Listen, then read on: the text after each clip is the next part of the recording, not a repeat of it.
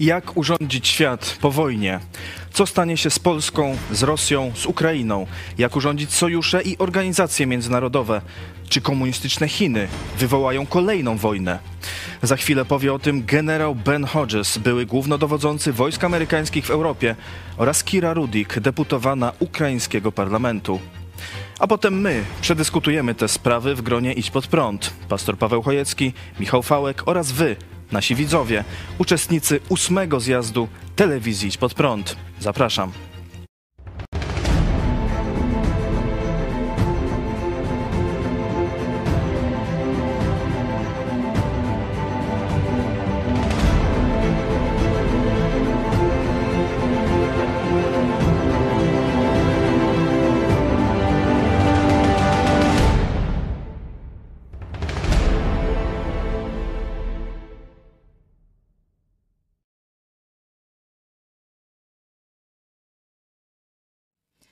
Witajcie na dorocznym zjeździe telewizji Idź Pod Prąd. Polska i świat po katastrofie. Nazywam się Eunika Chojecka, a ze mną jest generał Ben Hodges, były głównodowodzący wojsk amerykańskich w Europie, a obecnie ekspert do spraw strategii w Center for European Policy Analysis. Generale, jakie zmiany muszą zajść w polityce Stanów Zjednoczonych i świata zachodniego wobec Chin i Rosji po pandemii koronawirusa i ataku Rosji na Ukrainę? Pandemia COVID-19, atak Rosji na Ukrainę i wydarzenia je poprzedzające są dla Stanów Zjednoczonych przypomnieniem, jak bardzo potrzebujemy sojuszników oraz jak zależni jesteśmy od naszych przyjaciół z Unii Europejskiej i od naszych partnerów w regionie Indo-Pacyfiku. Jak jesteśmy niezabezpieczeni przez uzależnienie energetyczne Zachodu od Rosji, przez naszą zależność od Chin w zakresie produktów przemysłowych, wynikającą z naszego rosnącego lenistwa. Kupowanie od Chin jest po prostu tańsze od produkowania przez nas nawet takich rzeczy jak sprzęt medyczny.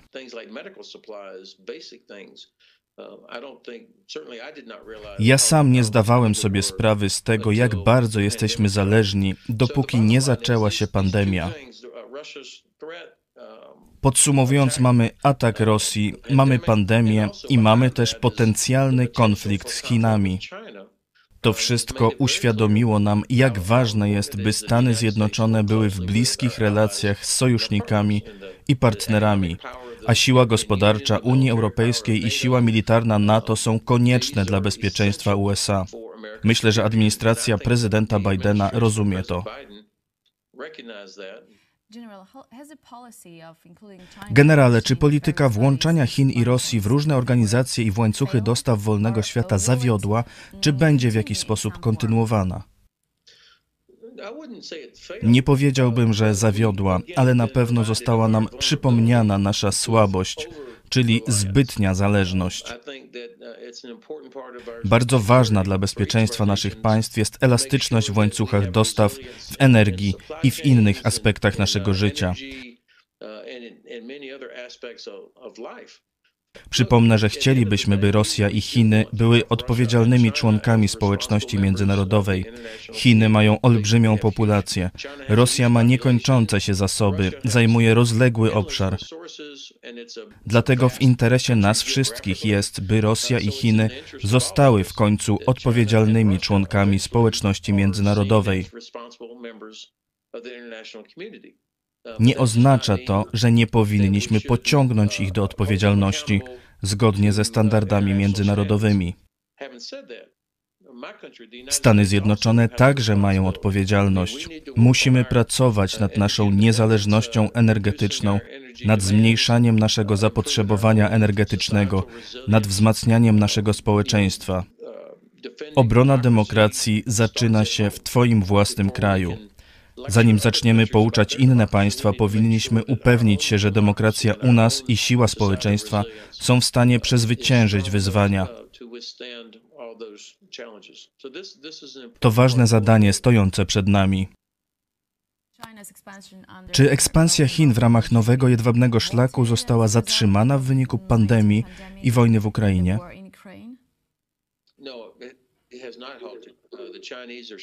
Nie, nie została zatrzymana. Chińczycy wciąż próbują wpływać na rozwój infrastruktury w całej Europie, Afryce, Ameryce Południowej.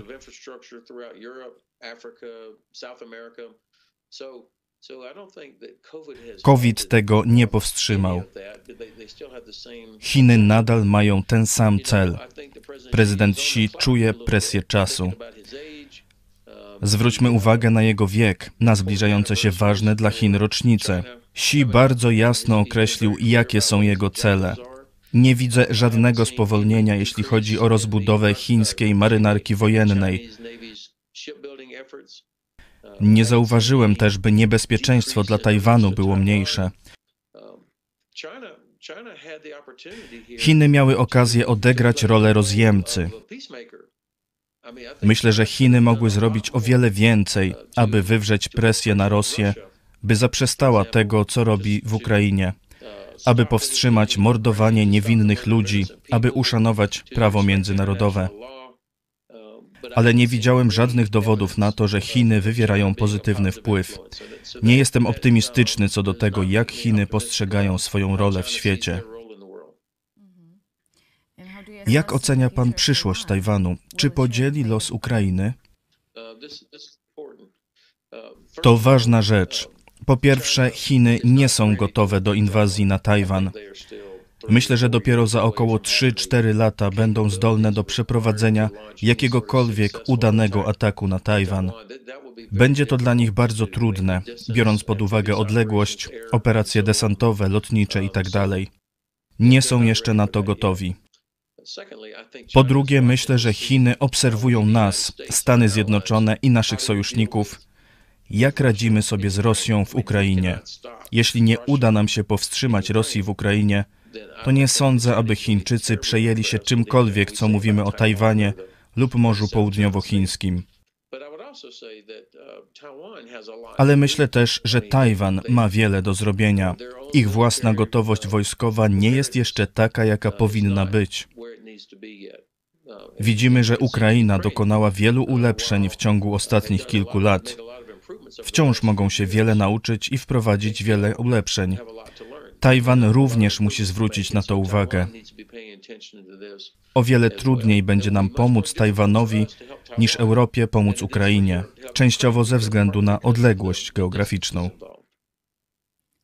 Generale, dziękuję bardzo za poświęcony czas. Generał Ben Hodges był naszym gościem. Dziękuję za ten przywilej. Hello. I am Kira Rudik. Witajcie. Jestem Kira Rudik, deputowana ukraińskiego parlamentu, liderka partii Głos. Mówię do Was z Kijowa w Ukrainie. Mówimy dziś o tym, jak będzie wyglądał świat po katastrofie. Katastrofą jest aktywna faza wojny, którą Rosja rozpoczęła w Ukrainie. Na posiedzeniu naszego parlamentu przemawiał premier Wielkiej Brytanii Boris Johnson. Powiedział coś ważnego, co dotknęło serc wszystkich Ukraińców. Powiedział: Rozumiemy, że się myliliśmy. Wojna rozpoczęła się w 2014 roku i my, kraje zachodnie, pozwoliliśmy na to. To było bardzo poruszające i tak ważne, bo to jest coś, co jako Ukraina mówiliśmy światu przez ostatnie 8 lat. Wiecie, jakie to uczucie? Jakbyś był ofiarą gwałtu w pokoju, w którym jest 10 innych osób i one wszystkie odwracały wzrok. Ty krzyczysz, a one mówią, że coś wymyślasz. Tak właśnie czuła się Ukraina przez ostatnie 8 lat. Cieszę się, że inne kraje zaczęły to przyznawać. Przez ostatnie 8 lat Putin przygotowywał się do tej wojny, gromadził pieniądze i przystąpił do wojny, mając zgromadzone 760 miliardów dolarów. Te pieniądze pochodziły ze sprzedaży gazu, ropy i węgla krajom europejskim. A kiedy mówiliśmy, że to jest ogromnie niebezpieczne, wszyscy odwracali wzrok. Czy za zasadami, jakie ustaliliśmy wcześniej? To jest drugie pytanie, jakie sobie zadajemy, budując ten nowy świat, to czy naprawdę stoimy za naszymi wartościami, czy za porozumieniami, jakie mieliśmy wcześniej. I najlepszym przykładem jest ONZ, organizacja, która ciągle nie może wykluczyć Putina Putin i Rosji, czyli narody są ciągle zjednoczone z Rosją. I to się dzieje w organizacji, której celem miało być zapobieganie wojnom. To się dzieje teraz. I kiedy pytamy ich o to, mówią: Wiecie, to jest tyle papierkowej roboty, poza tym mamy te zasady, że Rosja ma prawo weta, także możemy ich tylko zawiesić w Radzie Bezpieczeństwa. Czy to powinno działać w ten sposób? Czy inne narody chcą być zjednoczone z Rosją? Może trzeba przemyśleć działanie tej organizacji. W tym nowym świecie, jaki budujemy, musimy zadać sobie pytanie o to, jak wyglądają porozumienia o bezpieczeństwie. To dobre pytanie, bo artykuł 5 NATO ma ten zapis o 60 dniach. Wojna w Ukrainie w aktywnej fazie trwa od 70 dni. I nie jestem nawet w stanie Wam opowiedzieć, jakie potworności wydarzyły się w ciągu pierwszych 60 dni.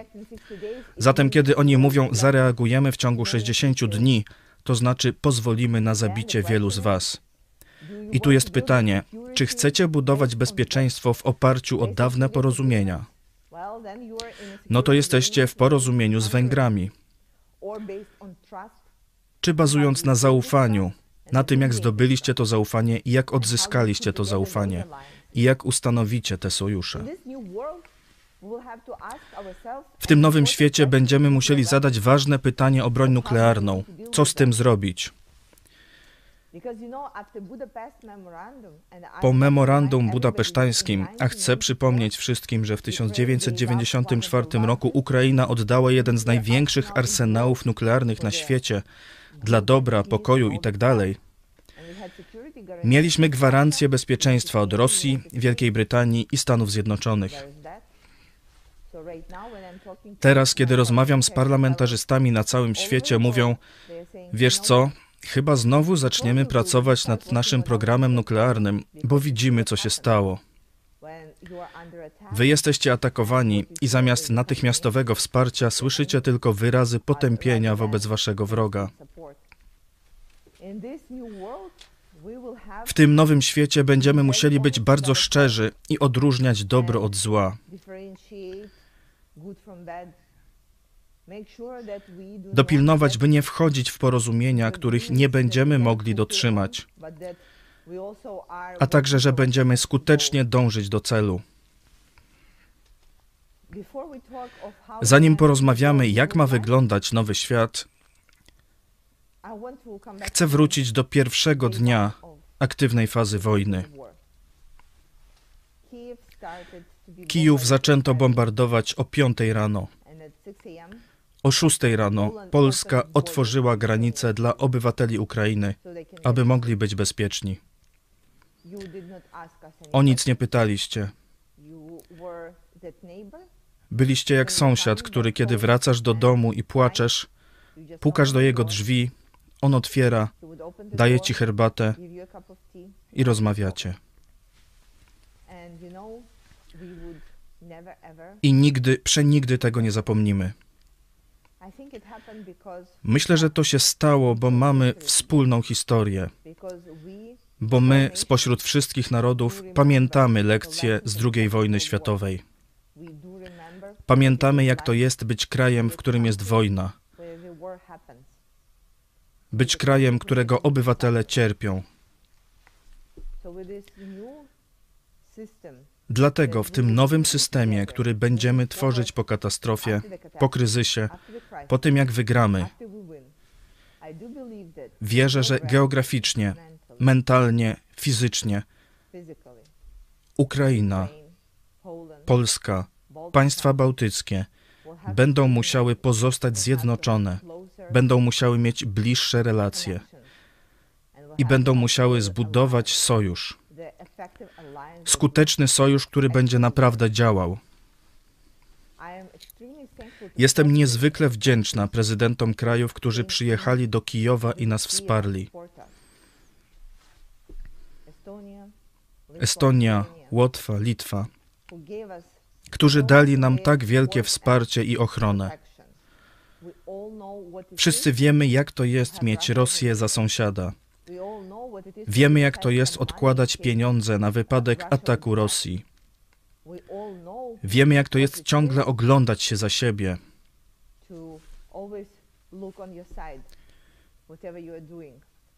Bo agresor ciągle się w ciebie wpatruje. Dlatego uważam, że będziemy musieli stworzyć sojusz nowoczesny, szybki, który będzie szczery, który będzie w stanie działać, a nie trzymać się idei dominacji światowej czy idei odbudowy imperium.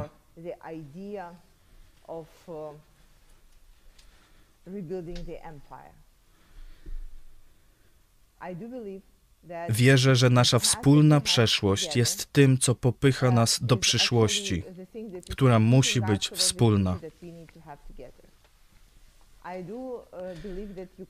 Wierzę, że Ukraina dołączy do Unii Europejskiej i będziemy mogli wprowadzić zmiany, które muszą być wprowadzone, aby ona była skuteczna.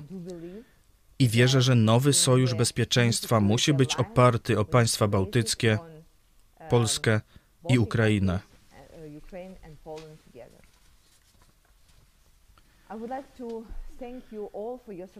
Jeszcze raz chcę podziękować Wam wszystkim za wsparcie. Minęły pokolenia, odkąd nasi przodkowie walczyli w II wojnie światowej, ale ciągle jesteśmy dumni z ich odwagi.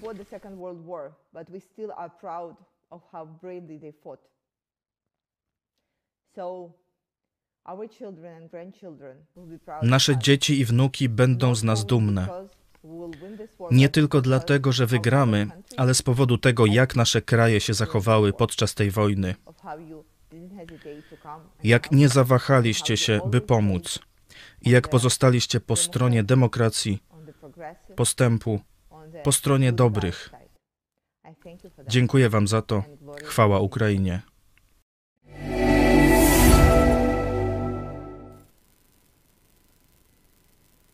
Deputowana ukraińskiego parlamentu, przewodnicząca partii Głos, wcześniej generał Ben Hodges. Ja nazywam się Cezary Kłosowicz i witam w studiu pastora Pawła Chojeckiego, redaktora naczelnego telewizji Pod Prąd.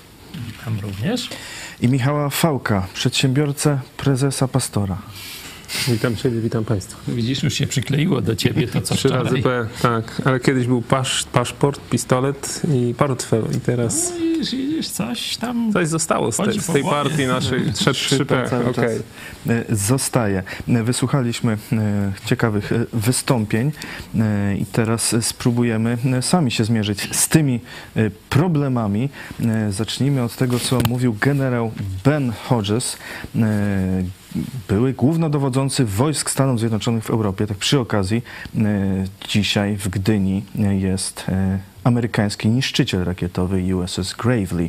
Uzupełnia zapasy e, typu Arleigh tego samego, który w serialu Last Ship występował. Także ten sojusz polsko-amerykański działa i okręty po Bałtyku jednak pływają. A Ruscy dzisiaj być może stracili fregatę na. Morzu Czarnym.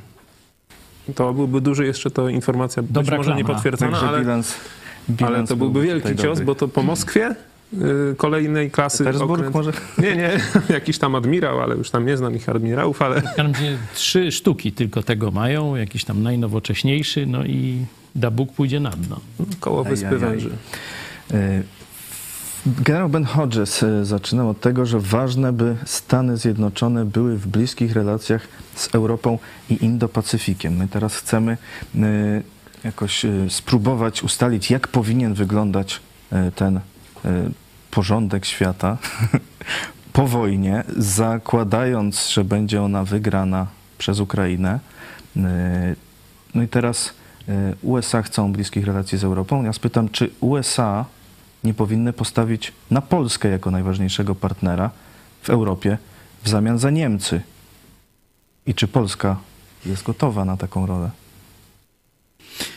No, chcielibyśmy, żeby była gotowa.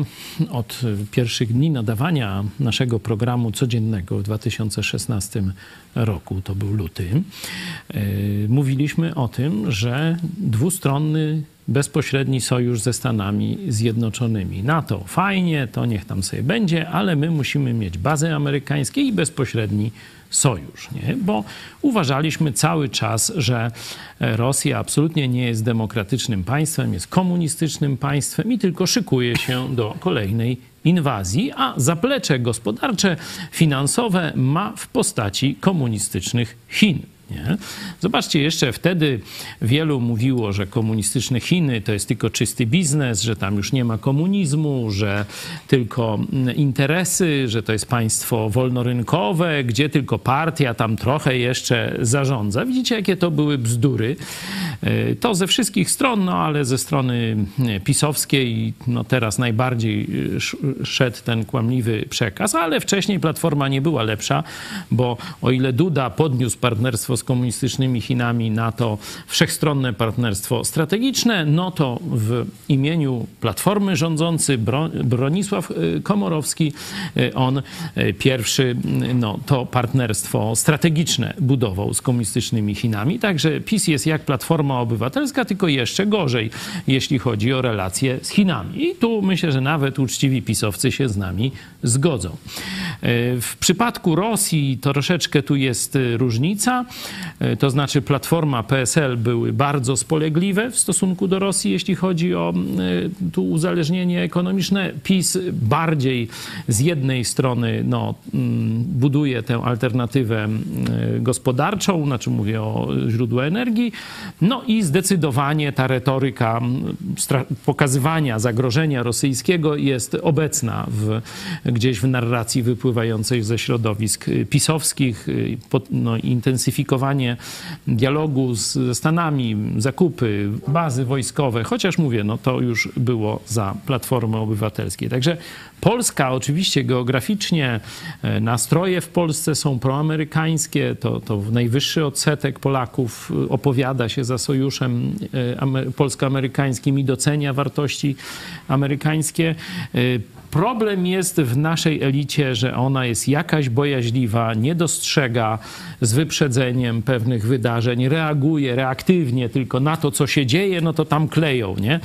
Tu pani Rubik, Rubik mówiła, że e, w ciągu godziny zareagowali, to rzeczywiście fenomen, nie? To fenomen, ale przypominam, że już w listopadzie wiedzieli, że ta wojna wybuchnie, także może to trochę tłumaczy ten fenomen. Rzeczywiście e, zachowali się e, tutaj rząd Prawa i Sprawiedliwości, zachował się wspaniale, otwierając te granice już praktycznie w pierwszej godzinie wojny. Myślę, że w polskiej klasie politycznej brakuje też odwagi, by stanąć na czele, że tu i y, Tusk chował się za Angelą, Angelą Merkel, nie? był jej takim przydupasem powiedzmy. E, Tam przecież nawet y, Sikorski z tamtej ekipy mówił, że tu czekamy, żeby Deutschland y, no tak y, przejęła ten prymat, objęła prymat w Europie, nie? Także straszne, straszne takie słowa, biorąc pod uwagę no, to, jaką Niemcy mają historię i teraz jak wiemy, jak haniebnie zachowały się e, w przypadku wojny Putina, nie? Także to wszystko wiemy. Przypominam również, że e, Jarosław Kaczyński zdaje się w 2016 roku trzykrotnie spotkał się z Angelą Merkel, tu potajemnie, nie? Próbując w jakiś sposób tu dogadywać się, jak mają te e, stosuneczki wyglądać, a premier Morawiecki, kiedy był prywatnie tam przy wódce, czy koniaku, czy jakieś whisky, nie, tam usowy, no to mówił, że on to popiera w 100%, ustach Merkel ją podziwia i, i tak dalej, i tak dalej. Także nasza klasa polityczna obecna, myślę, zresztą poprzednia również, jest niezdolna do zrealizowania tego projektu, o którym mówisz, żeby Polska wybiła się na czoło Śródmorza, żeby zawarła bezpośredni sojusz ze Stanami Zjednoczonymi i jak mówi Kira Rudik, żeby też weszła w taki no, jasny sojusz z Ukrainą, z państwami bałtyckimi.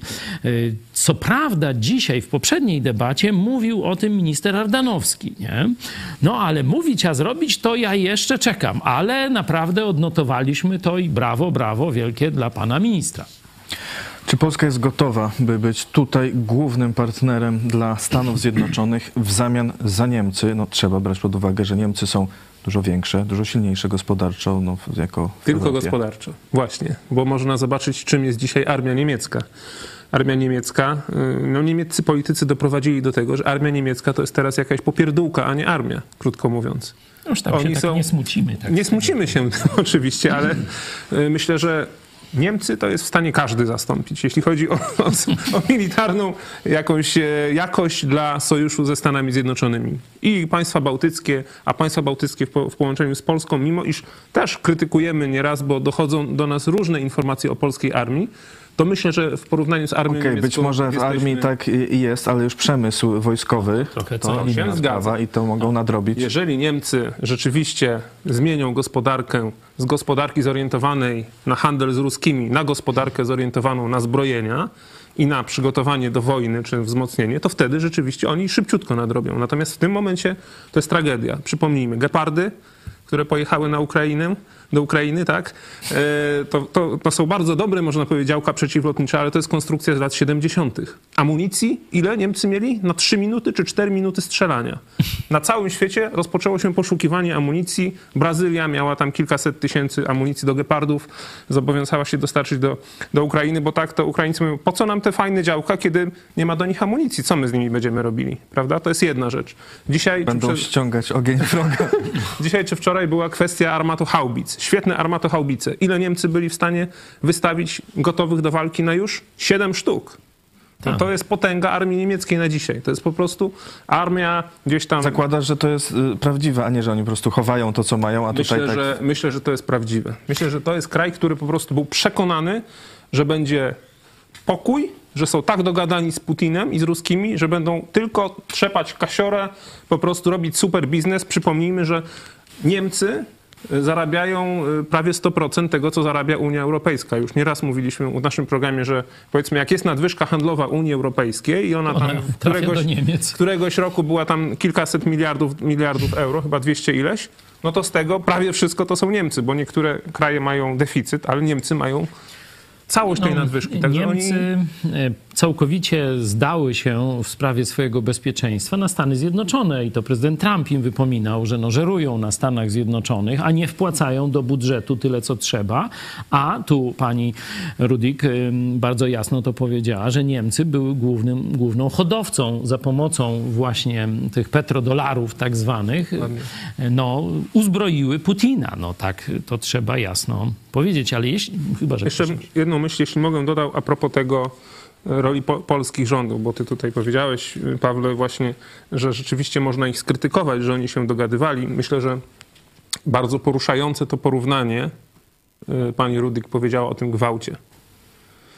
Ta wojna trwa od 2014 lo- roku. Ukraińcy prowadzą tę wojnę wbrew wszystkim.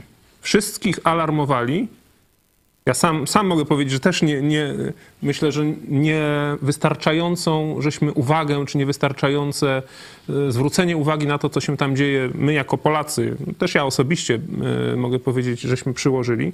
Oni alarmowali e, to, co Pawle mówiłeś. Jarosław Kaczyński z Angelą Merkel spotykał się w którym roku? To był rok 2016. To już w tym czasie, kiedy Ukraina była gwałcona przez ruskich. Jakby użyć tego No, porównania. Angela Merkel wielokrotnie woziła piwko e, temu swojemu Fagasowi. No. głównemu, tak jest. E, Także no tu już tam co do Niemców to mamy jasność.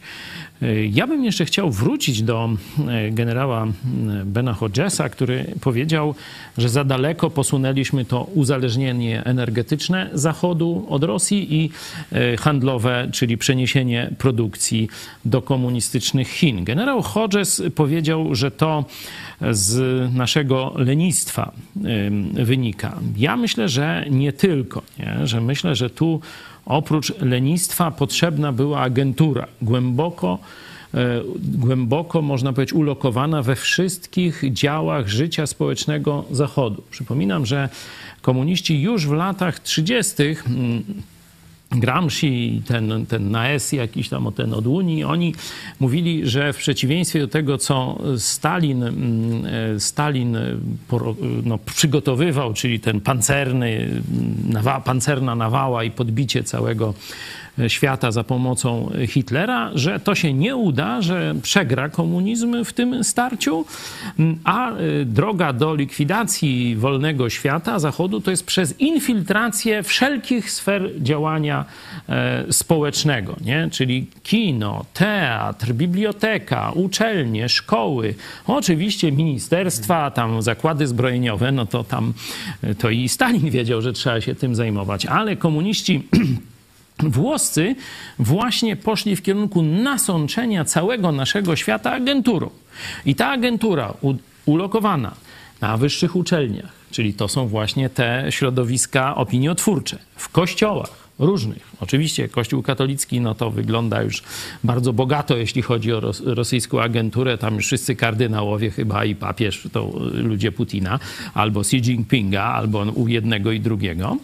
E, ale kościoły protestanckie w Stanach Zjednoczonych też zostały mocno, bardzo zainfekowane. Stąd mój cykl nauczeń po powrocie ze Stanów Zjednoczonych w 2008, 2018 roku, jak wypędzić komunistów z kościołów. No, można sobie to przypomnieć. Myśmy o tym wtedy mówili. Dalej, media zostały całkowicie opanowane e, przez różnych sługusów Putina czy Xi Jinpinga. Nie? No, o politykach to nawet szkoda gadać. Czyli nie tylko lenistwo, bo to jest jak gdyby ta naturalna przyczyna, ale teraz ktoś musiał nas usypiać, bo gdyby były wolne media, gdyby były wierne Jezusowi kościoły, gdyby byli profesorzy, którzy są swojemu etosowi e, badania świata i mówienia prawdy e, w wielkiej ilości na Zachodzie i mieliby tak zwaną tubę, nie YouTube, tylko tak ogólnie, nie?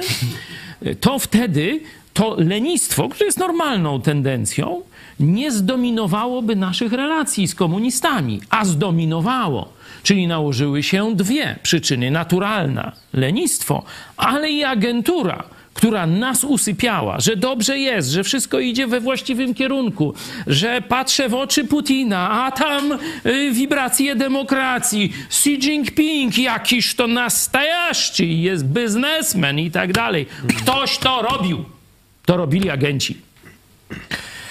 Czyli oczyścić e, dom, e, to e, nawiązując do pana Tadeusza, który był na maturze, oczyścić dom, ale też Ben Hodges mówi, no musimy się upewnić, że u nas jest ok z demokracją i z siłą społeczeństwa, czyli no, wyrzucić agenturę, uzdrowić kościoły, uzdrowić media, no to jest to zadanie, które pastor Paweł Chojecki przedstawia.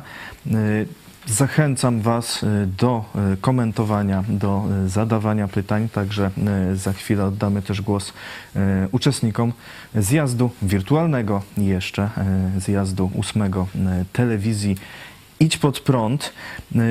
No dobrze, wyrzucić tę agenturę, no ale może to teraz to zadanie będzie trochę ułatwione, bo się dużo tej agentury świadomej bardziej lub mniej y, ujawniło w czasie wojny y, Rosji z Ukrainą.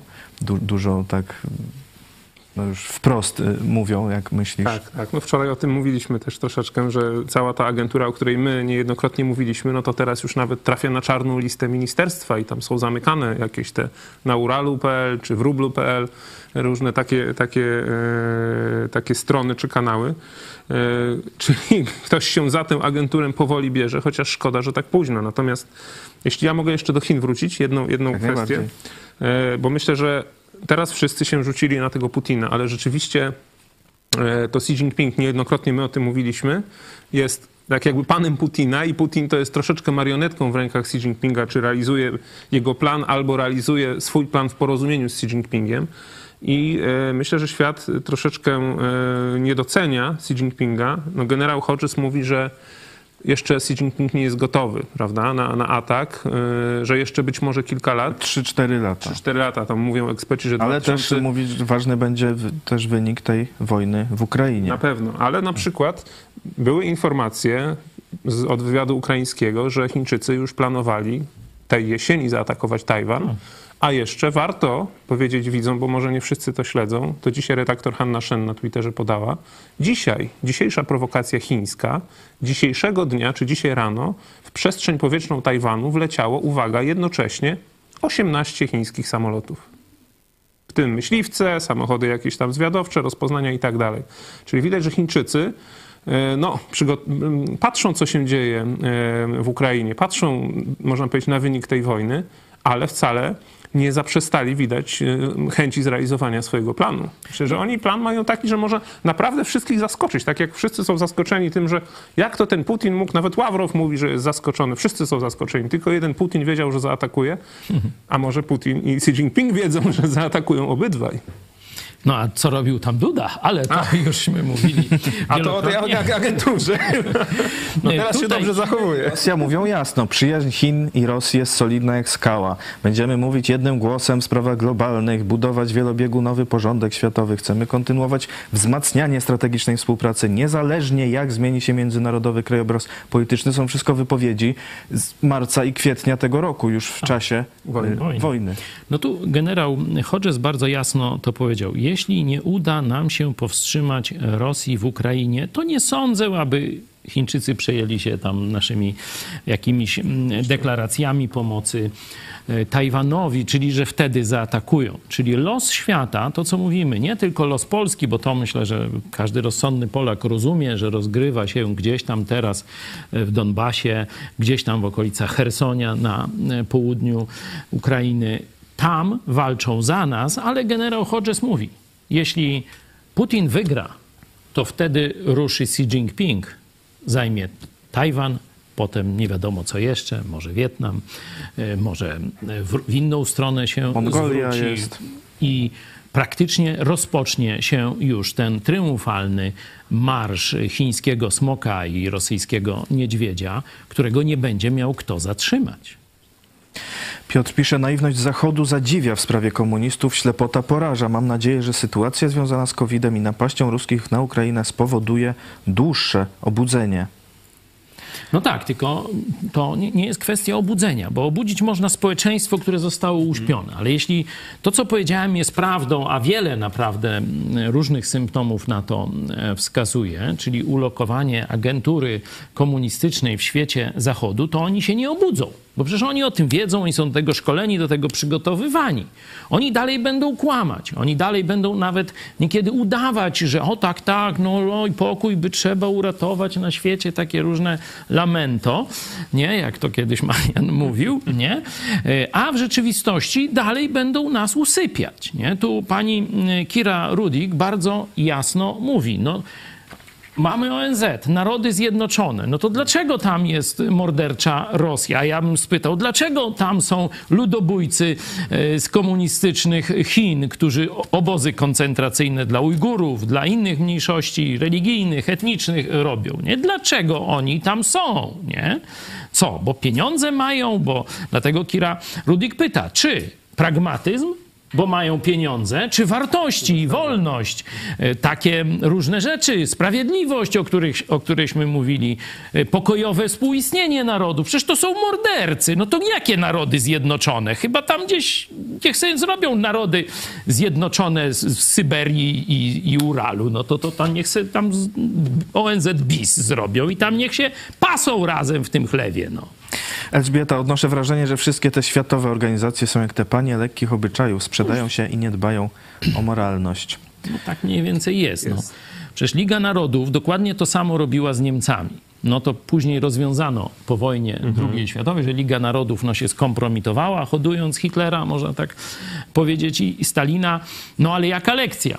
Żadna. ONZ jak Liga Narodów, do niczego. Po, po tych obu wojnach, bo mówiliśmy też o drugiej wojnie, to powinno być rozwiązane i ONZ, i WHO, i jeszcze tam FIFA można by rozwiązać, bo też... Nie ma ona dużego znaczenia militarnego. Ale dla ruskich ma. Ale wystarczy, wystarczy zobaczyć wszystkie mecze UEFA czy tego i wsze- zawsze był Gazprom. Zawsze Gazprom główny sponsor normalnie, nie? Czyli oswajano e, ludność Zachodu, oswajano także Polaków, ale tam Brytyjczyków, Francuzów, Włochów, Niemców i tak dalej, z tym, że ruski jest dobry, no. To niby nieważne, nie? Bo to tam jakaś federacja piłkarska, ale zobaczcie, jak masowo oddziaływuje na rycie beretów, no. A i chińskie firmy y, także. y, No, się Lewandowskiego dzisiaj sobie reklamują. No on powiedzmy, że przestał, to y, oszczędźmy y, na razie. Y, Emla Że Palajna, się zmęczył. bardzo rozsądne wystąpienie pani Rudik o epokę wyprzedza polskie elity. Y, No to rzeczywiście ta Unia by się przydała. Ja przypominam, że Jagieło to nie był Polak. Czyli elity, te, które zbudowały potęgę y, tej pierwszej Rzeczpospolitej i państwa Jagiellonów, zapożyczone z Litwy były. Może by ten, że tak powiem, pomysł powtórzyć i byśmy mieli z głowy, tylko teraz y, inne elity byśmy wzięli, że tak powiem, bo naprawdę oni mówią tak, jak idź pod prąd normalnie. Jak się słucha prezydenta Zełenskiego, czy naszej deputowanej dzisiaj y, y, czy pana Turczynowa? naszego Nowa, gościa, tak. czy pana pastora prezydenta Turczynowa, nie? Noż to, to, to, to w duszy nam gra dokładnie tak samo. A jak słucham, znaczy nie słucham, bo nie ma czego. No to już E, Posłuchajmy zatem, e, mamy e, głos od uczestnika zjazdu. Idź pod prąd, Krzysztof. Witam wszystkich bardzo serdecznie. Ja mam jedno pytanie. Czy moglibyście się odnieść do słów pani Kiry Rudik odnośnie tego, że niektórzy myślą o tym, aby wznowić programy nuklearne? No mi się osobiście bardzo ten pomysł podoba, szczególnie w Polsce. Także proszę, proszę się odnieść, jeśli można. Dzięki. No już to, my, my zawsze mówiliśmy, że tylko broń nuklearna na terenie Polski powstrzyma mordercę Putina od jakichś głupszych czy głupich pomysłów, nie? Nie, wiedzie, nie wiadomo, jak to zrobić. Tu nawet y, mm, prezydent, czy nadprezydent Kaczyński, czy jak tam go nazwać, nie? Powiedział, że on by chciał tej broni y, atomowej w Polsce, ale mówi, że to niemożliwe, nie?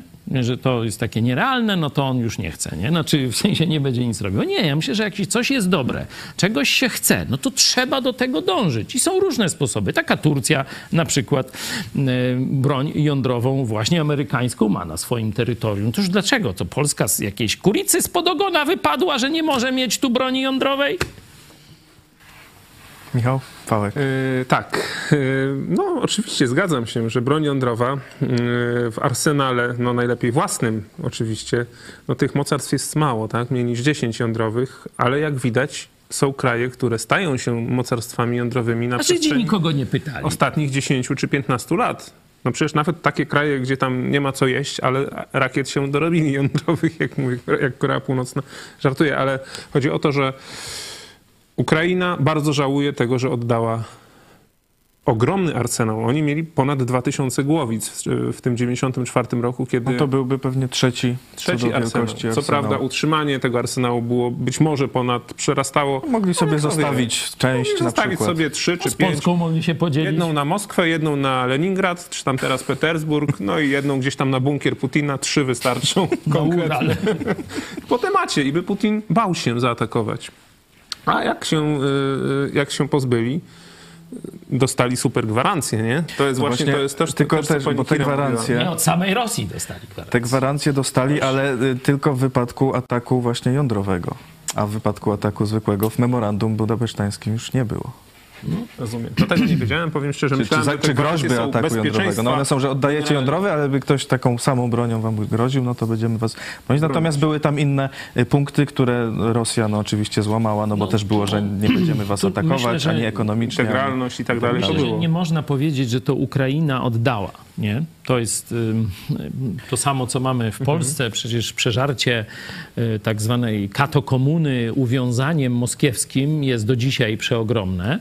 Y, I to, co się dzieje w polityce wewnętrznej, i jeśli chodzi o kierunek chiński w polityce zewnętrznej, to, to jest właśnie katokomuna, czyli uwiązanie moskiewskie, y, także biskupów katolickich. No to Ukraina była przeżarta tak samo, tylko razy pięć może 10, no nie wiem, nie? Dużo bardziej, nie? My, Podpisywał Leonid Kuczma to porozumienie, No, no. który przecież był w swojej wczesnej historii i aparatczykiem komunistycznym i tak ZSRR. dalej. Dokładnie. No, także my mieliśmy przynajmniej jakiś tam pozór odrębnego państwa, oni byli sowiecką republiką, nie? czyli e, tam nasycenie agenturą i dominacja rosyjska, moskiewska była totalna. Nie? Czyli to agenci Moskwy, można tak powiedzieć, oddawali e, tę e, broń atomową. Można mówić o e, tym nowoczesnym już narodzie ukraińskim. Myślę, że gdzieś właśnie od tego 2014 roku, przecież zobaczcie, jeszcze Krym idzie bez wystrzału, a w Donbasie już ochotnicze jednostki zaczynają walczyć po części, armia ukraińska i tak dalej. Tu niedawno był u nas y, prezydent z tamtego czasu Ukrainy, prezydent Turczynow, także pastor e, chrześcijański stąd y, o tym mówił, że wtedy nie mieli niczego i dopiero wtedy zaczęli budować, można powiedzieć, tę dzisiejszą siłę Ukrainy, czyli w 2014 roku e, startuje historia e, no, już niepodległej Ukrainy, można by tak e, powiedzieć, patrząc na, na też ten, ten wymiar uzależnienia od Moskwy. E, I e, te wydarzenia, o których mówimy, to porozumienie budapesztańskie, to są jeszcze lata 90., gdzie Moskwa całkowicie kontroluje marionetkowe jeszcze władze tamtejsze. Ja jeszcze mogę jedno słowo a propos atomu. Myślę, że dobrym pomysłem byłoby, żeby ten sojusz, na który liczymy polsko-ukraiński, czy również z państwami bałtyckie, bałtyckimi w przyszłości po wygranej wojnie, bo przecież prezydent Zełenski jasno powiedział, że ten sojusz będzie. On powiedział, że jeżeli Polska byłaby za, zaatakowana przez ruskich, to Polski będzie bronić 80 milionów ludzi. To są słowa prezydenta Zełenskiego. To jest deklaracja dla mnie jednoznaczna. Myślę, że ten sojusz właśnie powinien zadbać o własną broń atomową. Przecież broń atomową możemy stworzyć wspólnie z Ukrainą, Litwą, Łotwą, Estonią. To Ukraina ma Ukraina technologie, technologię, atomowe. ma. Ukraina ma i reaktorów, kilkadziesiąt, sześć elektrowni atomowych. My tam kilkadziesiąt lat budujemy pierwszą, a oni już mają Kilka. kilka. Także spokojnie. Jeden reaktor naukowy. No właśnie. I wspólnie moglibyśmy stworzyć. Na pewno kilkudziesięciu, jeśli nie kilkuset pracowników, którzy administrują niebudowanie elektrowni atomowej. Podobnie jak jest cały sztab pisowski, który się zajmuje niebudowaniem centralnego portu komunikacyjnego i dobrze na tym wychodzi. To są ekonomiści wysokiej klasy. Ale ja mam taki pomysł, tu redaktora Eli Barbura nie ma z nami, a może by coś doradził, bo zobaczcie. Izrael ma nielegalnie broń atomową. Nie? To znaczy oficjalnie nie ma. No to jakby tak paru głowic też nie miał, no już to tam by się i nikomu nic Czyli nie trzeba stało. by po nie? prostu otworzyć, pójść do sklepu z głowicami, tego nielegalnego i kupić kilka głowic. Tak jak samoloty, Możemy się jakoś kupuje w z Żydami dogadać. No, no, to- trzeba będzie słono zapłacić, bo to wiecie, oni mają tych, które nie mają, nie? Czyli za te, których nie ma, no to trzeba więcej płacić niż za te, które są, że tak powiem. I może by tu jakiś deal taki dziejowy, tutaj mamy dziejowe takie porozumienie z tymi mieszkańcami Rzeczpospolitej, którzy dzisiaj, że tak powiem, pokazują e, gołą dupę orków Putina i, i mówią, że są najlepszą armią świata i to jest rzeczywiście prawda. Noż i Żydzi przecież też no, byli kolejnym narodem Rzeczpospolitej, było ich tu najwięcej na ziemi swego czasu. Toż tak nie mogliby o starą ojczyznę się jakoś tak trochę zatroszczyć, nie? Myślę, że ten, ten rząd, y, zważywszy na historię Nie, rząd stosunków to tak. tego rządu z niczego, Izraelem, to, to, to nie tylko nie dostanie, ale Czyli Tak właśnie to e, stary e, pomysł, trzeba zrobić ściepę narodową i kupić bombę atomową. E, e, Posłuchajmy, co nam powie e, kolejny e, uczestnik zjazdu, Piotr. No ja jeszcze odnośnie tego, tego sojuszu polsko-amerykańskiego, to stara prawda mówi, że do tanga trzeba, trzeba dwojga. Czy są jakieś powody, by przypuszczać, że, że Stany Zjednoczone chcą takiego sojuszu? Ja szczerze mówiąc wątpię, a to przynajmniej z dwóch powodów. Jeden powód to jest taki, że na parę dni przed, przed atakiem na, na Ukrainę e, wszyscy wojskowi amerykańscy Ukrainę opuścili. Co, co sobie tłumaczę tak, że, że w bezpośrednie starcie z Rosją to to Stany Zjednoczone za bardzo wchodzić nie chcą. No i drugie, druga, druga moja wątpliwość to, jest, to wynika z jednego z wcześniejszych y, y, wywiadów y, z generałem Hodgesem, w którym powiedział oczywiście w sposób bardzo miły, że dla Stanów Zjednoczonych ważniejszy jest Pacyfik, strefa Pacyfiku niż Europa Środkowa i jeżeli sytuacja na Pacyfiku będzie wymagała opuszczenia Europy Środkowej, to Europa Środkowa zostanie opuszczona. Także, także no, no myślę, że, że przede wszystkim trzeba budować bliskie przyjaźnie z tymi, którzy jadą na tym samym wózku, co my. No tak tyle. Ja y, myślę, że troszeczkę ta sytuacja się zmieniła, a nawet bym powiedział, bardzo się zmieniła, bo owszem, Amerykanie, zarówno i Brytyjczycy też oficjalnie wycofali swoje, swoje jednostki, które były w Ukrainie tuż przed wojną, ale tylko chyba dlatego, że naprawdę się obawiali tego Putina. A teraz to zobaczcie, że Stany Zjednoczone są liderem, jeśli chodzi o kwoty, które są przeznaczane na, na pomoc Ukraińcom. Przecież przeznaczenie kwot w tym momencie na poziomie 6 czy 8 miliardów dolarów już, a docelowo przecież tam chcą 30, a docelowo tak, ponad, w sumie to będzie ponad 40. 40, no to co to jest jak nie udział w wojnie? To jest udział w wojnie. To jest udział w wojnie, bo Stany Zjednoczone... A Moskwa na dnie Morza Czarnego to Dokładnie. też podobno zasługa Amerykanów. Bo Stany Zjednoczone bardzo się zaangażowały w tę wojnę i nawet mówi się, że szkolą nie tylko w Polsce, tylko ptaszki Niemczech ćwierkają, że W Niemczech. No, a nie, być może szkolą gdzieś tam bliżej, żeby bliżej by mieli, mieli ci Ukraińcy albo daleko nie musieli jeździć, nie? Także Amerykanie e, uczestniczą w tej wojnie. No owszem, e, chcą, nie chcą dopuścić do, do tego, żeby starcia były bezpośrednio wojsk tych sowieckich z wojskami amerykańskimi, ale też wy, wyznaczyli czerwone linie, bo też były informacje, że jeżeli Ruscy zaatakują bronią chemiczną lub bronią biologiczną, no i oczywiście jądrową, to wtedy Amerykanie niewykluczone, że wejdą tam już na, na, e, do Ukrainy, że swoje wojska wtedy wyślą, prawda? Czyli e, sytuacja się zmieniła o tyle, że wszystkim się wydawało, że to jest druga armia świata. A to okazało się, że Druga to jest. końca. Druga armia na Ukrainie. No właśnie, że to też jest, znowu używając tego słowa skillera, popierdółka, a nie armia, tak? Oni tylko są brutalni tym, że, że straszą, że mają, mają broń jądrową, tak? Jeżeli by świat się nie bał tej broni jądrowej użycia, to pewnie by już było dawno po wojnie, bo by i dużo więcej i szybciej broni pojechało yy, i być może by poszły tam inne wojska do pomocy, tylko że wszyscy boją się uderzenia jądrowego. No tu być może nie chodzi o ten strach przed Putinem, y, kiedy mówiłeś o tym, że wszyscy opuścili.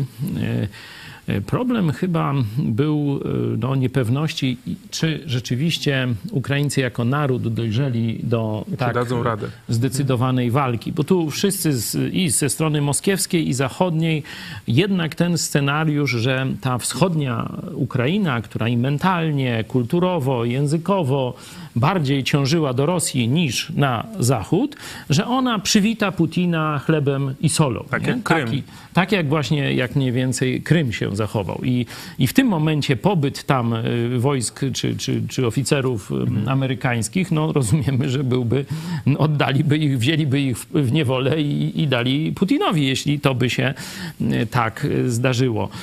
A mm, tu scenariusz się rozegrał całkowicie inny. Ukraina okazała się nie tylko militarnie przygotowana, ale przede wszystkim duchowo, i to mówiliśmy o tym jako chyba jedyni w Polsce, o duchowym przygotowaniu Ukraińców, jak wielu ewangelicznych chrześcijan jest, jak wielu Ukraińców sięgnęło osobiście po Biblię i zwróciło się do Jezusa Chrystusa, jak wielu tam jest e, pastorów, misjonarzy e, protestanckich, około miliona ludzi afiliowanych gdzieś do kościołów protestanckich, to są e, liczby, no, stukrotnie to tam, tysiąckrotnie przez Polskę prze, no, przewyższające. Także to wszystko e, tam się e, dzieje i stąd to, co mówisz, że teraz pomoc amerykańska jest naprawdę znaczna, pomoc wywiadowcza. Mówiliśmy tu o zatopieniu tego ruskiego truchła, e, Moskwa, nie? I paru jeszcze innych rzeczy, wybiciu tych generałów, kilkunastu, to też tam podobno Amerykanie. Też desant w Hostomelu, czyli krytyczne pierwszych dni i chwile, to też dzięki danym, danym amerykańskim oni uratowali Kijów. Tak, tak. Także, e, także to e, wszystko wskazuje, że Stany Zjednoczone są bardzo mocno zaangażowane e, u naszych wschodnich sąsiadów. Stąd, kiedy mówimy o sojuszu polsko-amerykańskim, trzeba zawsze mówić polsko-amerykańsko-ukraińskim. Bo jeśli Stany Zjednoczone dzisiaj moim zdaniem bardziej wspierają Ukrainę niż Polsk Polskę, chociaż y, wojska amerykańskie są na terenie Polski, a nie Ukrainy, nie? Ale jeśli chodzi o zaangażowanie m, takie logistyczne, militarne, polityczne, no to to jest Ukraina. Czyli mając sojusz z Ukrainą, my wchodzimy w jeszcze bliższy sojusz ze Stanami Zjednoczonymi. I tu taki off-topic, zobaczcie, ta wspaniała akcja z pierwszego tygodnia wojny, czyli amerykańscy pastorzy, polscy pastorzy i strona ukraińska ratujemy dzieci z tego Mariupola, z tego właśnie, który jest symbolem bohaterstwa Ukrainy. I co? Najpierw agentura, potem dziennikarze zaczynają sprzedawać wersję moskiewską że oto handel dziećmi, jakieś sekty chcą robić, nie? I praktycznie ten wspaniały, można powiedzieć, manifest tego sojuszu amerykańsko-polsko-ukraińskiego został zdeptany w błocie przez tak zwanych dziennikarzy, bo tam agentura ruska to zawsze robi swoje, ale że ludzie, którzy nazywają się polskimi dziennikarzami, zatopili w błocie tak wspaniałą rzecz. Jeśli chcecie pomóc w odwróceniu tego, no to podawajcie szczególnie na stronach gdzieś anglojęzycznych, bo już jest y, angielska wersja tego filmu. Y, może link bym prosił, żeby teraz podać i nasi widzowie, to już bardzo wielka do was prośba, róbmy szum wokół tego filmu, bo tamte gazety już dawno w wychodkach wylądowały, te Newsweeki, gazety wyborcze, te wszystkie, które pisały taki dziennik wschodni, te bzdury kompletne, a ten film, prawda, niech idzie w świat. E, myślę, że co do e, tego sojuszu z Ameryką, trzeba też pamiętać, że Ukraina, choć nie ma traktatów, przecież nie jest w NATO, a otrzymuje od Stanów Zjednoczonych i innych krajów NATO ogromną y, pomoc militarną też, no to to raczej by świadczyło, no skoro my jesteśmy w NATO, no to pewnie byśmy y, dostali więcej. I jeszcze do Piotra Setkowicza się odniosę. Rzeczywiście generał Hodges mówił tamte rzeczy, ale zobacz Piotrze, że teraz mówi w sposób jednoznaczny. Jeszcze raz, jeśli nie uda nam się powstrzymać Rosji w Ukrainie, to nie sądzę, aby Chińczycy przy, y, przejęli się czymkolwiek, co mówimy o Tajwanie lub Morzu Południowochińskim. Czyli generał Ben Hodges no, w sposób jednoznaczny odpowiada, opowiada się po tym, żeby e, w każdy możliwy sposób pomóc Ukrainie i wygrać wojnę z Putinem, bo to jest wojna o cały świat. Tak. Tak, sprawa e, Pacyfiku rozgrywa się w tej chwili e, właśnie tu w Ukrainie. No i jeszcze trzecia sprawa, no jeżeli USA chciałoby się zaangażować w Pacyfik, no to potrzebuje tu w Europie zostawić silnego właśnie partnera czy partnerów, którzy będą w stanie sobie poradzić ewentualnie z Rosją i to mogłaby być Polska z Ukrainą, z innymi krajami. Można to podsumować. Dajcie nam broń atomową przy wyszkoleniu i doświadczeniu armii ukraińskiej. To możecie sobie wziąć bazy, znaczy przenieść wojska tam na, na y, ten teatr y, azjatycki, no a my sobie tu z kacapem, jak to od wieków bywało, poradzimy. Jak szkop będzie podskakiwał, też dostanie. Tym bardziej, że trzeba też dodać, że jest jeszcze kilku sojuszników europejskich, którzy się sprawdzili. Wielka Brytania, Szwecja z Finlandią zaraz być może będą w NATO. To są bardzo silne kraje i przygotowane do wojny też do, mm, sobie przecież świetnie Finlandia poradziła już raz z ruskimi i są Czyli bardzo blisko. Z Trójmorza zrobi się już takie wielomorze, od Morze są Północne. bardzo blisko tego właśnie Leningradu ichniejszego. Także w tym momencie, jak Finlandia ze Szwecją wejdą do NATO, a być może się to stanie niedługo, to e, praktycznie zamknięcie Rosji, północnego teatru, okrążenie tam Rosji, to jest chwila, moment, tak? Na Bałtyku Ruscy są odcięci. Y, Mamy y, kolejny y, głos od uczestniczki zjazdu Idź pod prąd, Grażyna. Witam wszystkich. Mm, Ja zacznę optymistycznie, a później podam troszkę wątpliwości. Optymistycznie, że dobrze, że jest telewizja Idź pod prąd, bo rzeczywiście e, geopolityka e, nie jest ściemniana, wiemy jaka jest prawda, a sami możemy jeszcze zgłębiać tę prawdę. I teraz już przechodzę do meritum. Jest generał Hodges wspominany, bo dzisiaj wystąpił, ale warto jeszcze raz przypomnieć generała Spaldinga i jego książkę e, Niewidzialna wojna, i też to, jak trudno było mimo wszystko przebić się w Ameryce z prawdą o Chinach i tym, co one wyprawiają tam ze swoją propagandą. A, teraz przechodząc do Polski, tam już są w większości jako społeczeństwo uświadomieni co do wrogości Chin i, jego, i, i potęgi tego państwa, a w Polsce to mamy wciąż e, dobrego i złego policjanta. Dobry to Chiny, a Rosja to jest ten zły policjant. I ta narracja jest tak głęboka w społeczeństwie, tak niżej, gdzie ja jestem, gdzie przebywam e, z Polakami e, po prostu, czy w biznesie, czy na ulicy, że nie mają o tym pojęcia. Dlatego wspomniałam o tej telewizji, że dobrze, że jest, bo uświadamianie jest, ma olbrzymią rolę. I jeszcze drugie spostrzeżenie, spostrzeżenie, jak ważna jest historia, jak ważne jest budowanie mm, patriotyzmu, bo niestety tu w Olsztynie, gdzie mieszkam, nagminnie od kilku miesięcy młodzi mężczyźni y, odbierają paszporty Polacy. Młodzi mężczyźni odbierają paszporty, że w razie wojny oni już są w blokach startowych, żeby opuścić Polskę. A więc mm, no, takie mam spostrzeżenia, może nie wesołe, ale e, radość, że jest ta nasza telewizja. Dziękuję. No tak, tu mamy książkę generała e, Spoldinga z jego osobistą dedykacją dla Idź pod prąd. Nie? E, To generał Spolding był też gościem em, jednego z naszych zjazdów, tu właśnie w czasie pandemii, na początku. To, co powiedziałaś o tej polskiej no, niegotowości do obrony, e, to rzeczywiście ja też y, podzielam te e, obawy, że, że Polacy nie zdaliby tak egzaminu, jak dzisiaj zdają Ukraińcy. Tak.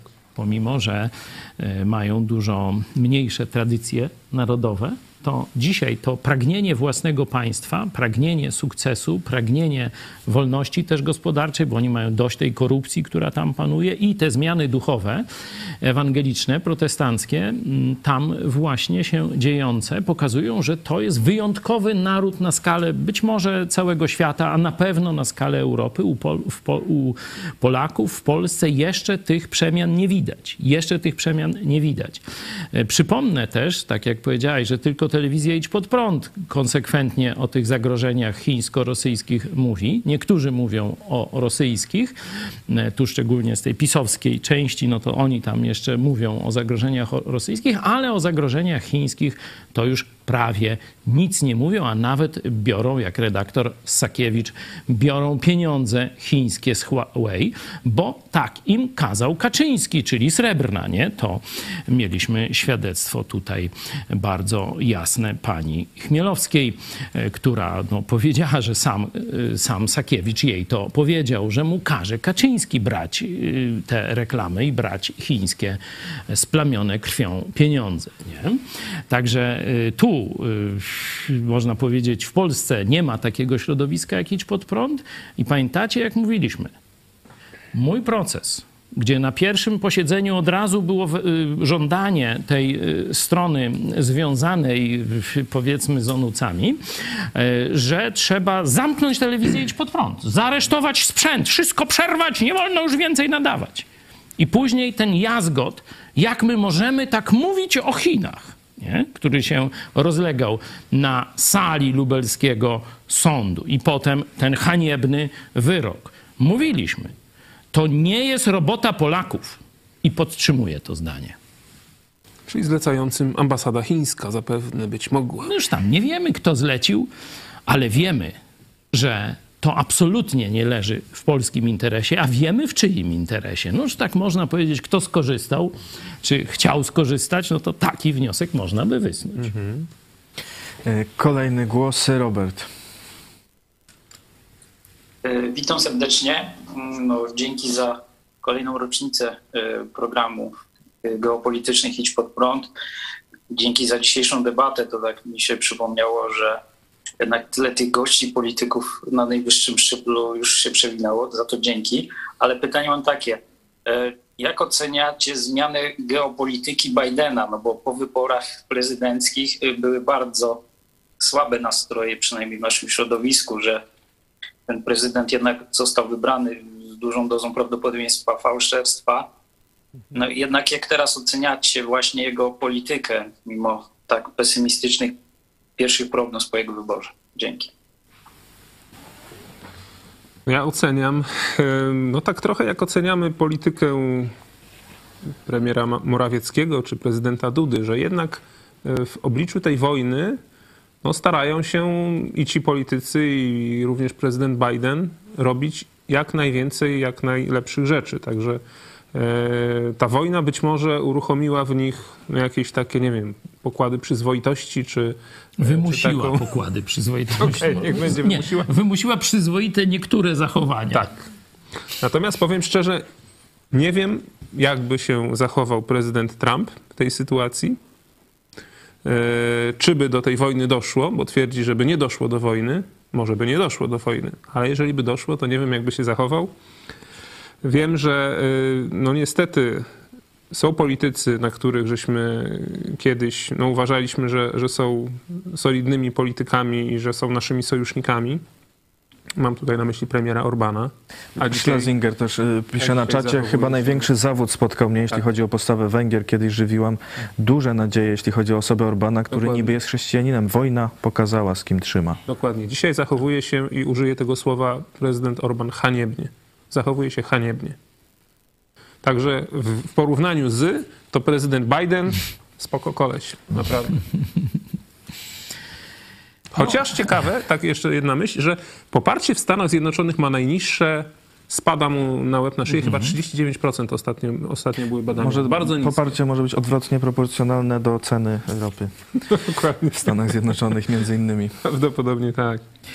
No tu powołał, powołałbym się na opinię Kiry Rudik, odpowiadając na to e, pytanie szefowy czy liderki partii Gołos, czy Głos po polsku, nie?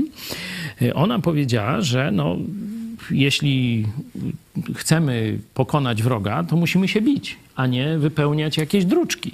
Nie?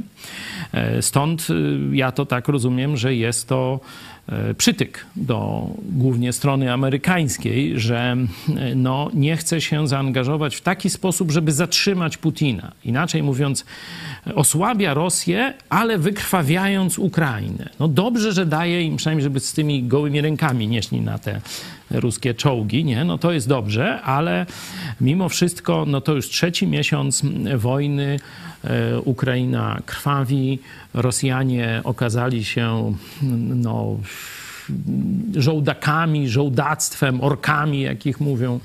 E, Wiemy już, że są masowe rozstrzeliwania ludzi, masowe gwałty, to na ogromną skalę i to w takich no, drastycznych okolicznościach. Y, To nie chcę nawet o tym opowiadać, że, że zbrodnie rosyjskie są celowe i ogromne. A żaden tam trybunał, żadne ONZ-y nic w tej sprawie nie robią. To jest hańba. No i no, odpowiedzialność główna za to spada na Stany Zjednoczone. Mogę jedno jeszcze tutaj, a propos tego, co powiedziałeś, Pawle, no to by wskazywało, że Biden owszem stara się, ale dużo, dużo za mało, mógłby zrobić więcej.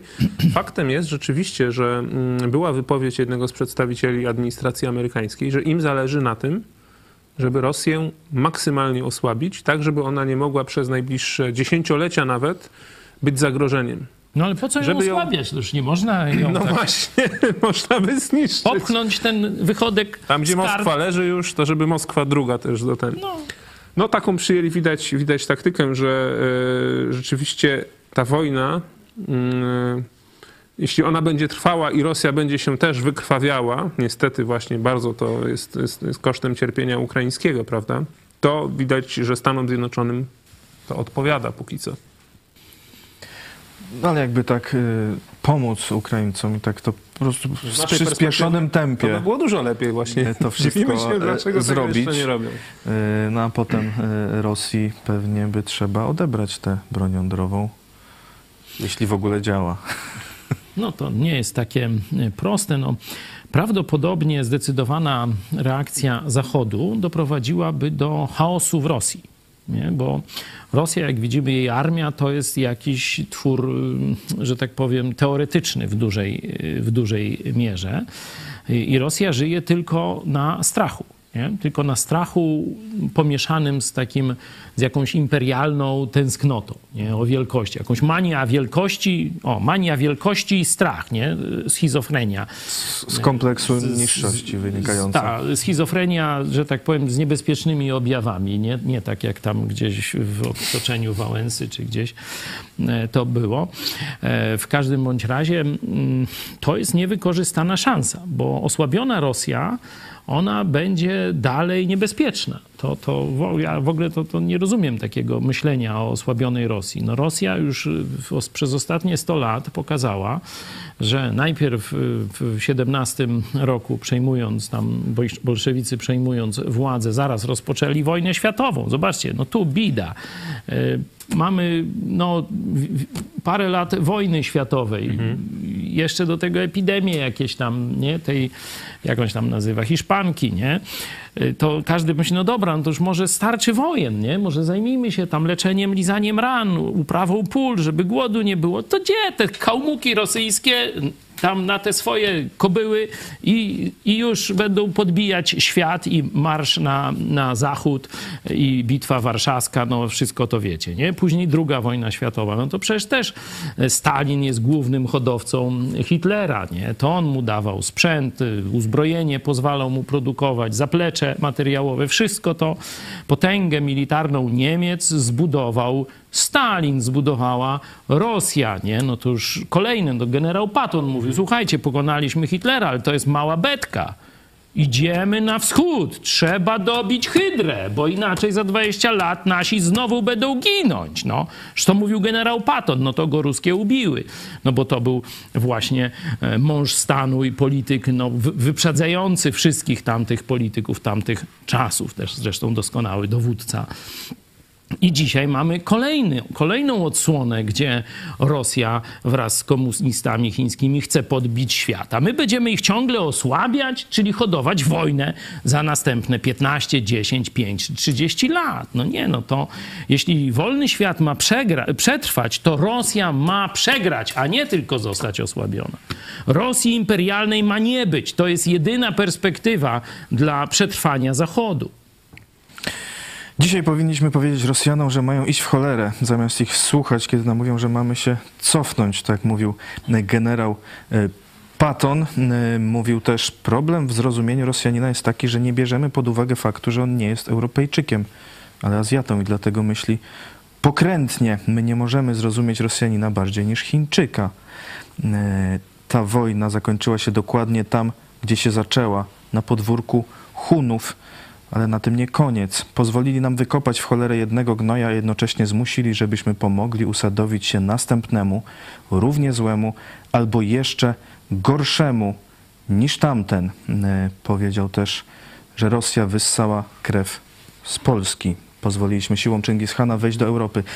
Co zrobić teraz, właśnie, żeby to się nie powtórzyło, może jeszcze gorzej, bo y, no mówimy, mamy te, te Rosję, ale jest, są jeszcze całe wielkie Chiny. Rzeczywiście trudnym, trudnym, można powiedzieć, wyzwaniem czy trudnym tematem jest, jak Rosja tę wojnę może zakończyć, bo to, że ją strategicznie przegrała, to się chyba wszyscy zgadzają. No ale jaki może czekać się koniec? Bo tak, y, no może Putin nie dożyć 70. urodzin, które są w październiku. Przypomnę, taki mem widziałem, że wielu zbrodniarzy y, doko- dokonało żywota mając 69 lat. Kaddafi, Saddam Hussein, no to i Putinowi mogłoby tak, tak się skończyć. No ale teraz ma mieć operację. Statystyka zresztą. nie rządzi. Statystyka nie rządzi. Ale teraz ma mieć operację. Lekarze mogą, mają szansę na, na pokojową Nagrodę Nobla. Może jakiś tam ukraiński lekarz się trafić? Także też tak się mówi. No ale no powiedzmy, jed- jedna z możliwości to jest odejście Putina. E, No to już podobno tam jest szykowany na jego następcę przez niego e, wcale nie lepszy człowiek, bo właśnie pan Patruszew bodajże, e, Putin jego widzi jako swojego ewentualnego następcę. No to jest taki sam czekista jak Putin, prawda? To jest ten sam gość, tego samego pokroju, czyli wcale nie będzie lepiej. Stalin dożył chyba 75 lat, no ale tam no, no byli różni następcy, ale nie wiem, czy było dużo lepiej z tego powodu. W każdym razie, mm, e, no rzeczywiście być może najlepszym rozwiązaniem to byłby rozpad Rosji na ileś tam krajów. A, no, wolne narody, które tam pod butem rosyjskim już tam od 100, 200, tam różnie lat mm, żyją. No myślę, że to tam, co mogą zrobić Stany Zjednoczone i tak dalej, no to tam możemy mówić, ale najważniejsze jest to, co my możemy zrobić. I pamiętacie, że nową jakością w polskim życiu, tym społeczno-medialnym, było właśnie, odaj mi mniejszy, dzięki, Czarek, pożyczę od Ciebie, wymachiwanie Nowym Testamentem. Nie? To było coś, co nas zaczęło odróżniać. W 2016 roku widzieliście tu mnie, czy Mariana Kowalskiego, on też wymachiwał, nie? Chyba nawet takim egzemplarzem, o ile pamiętam, lub podobnym. Yy, To jest yy, tak zwana, to, to jest przeniesienie konfliktu na pole duchowe. Nie? Yy, I o tym mało kto mówi w tej tak zwanej wielkiej polityce, w tych wielkich stacjach telewizyjnych, a ja mówiłem, że to, i to nie tylko ja, to wielu ludzi się z tym zgodzi, wierzących chrześcijan, że Jezus jest Panem historii, czyli czynnik duchowy jest głównym, kluczowym, nie do ocenienia wartości tego czynnika w, we współczesnej polityce i wojnie, bo polityka jest, realizac- jest realizacją celów politycznych, znaczy wojna jest realizacją celów politycznych za pomocą tam sił zbrojnych, nie?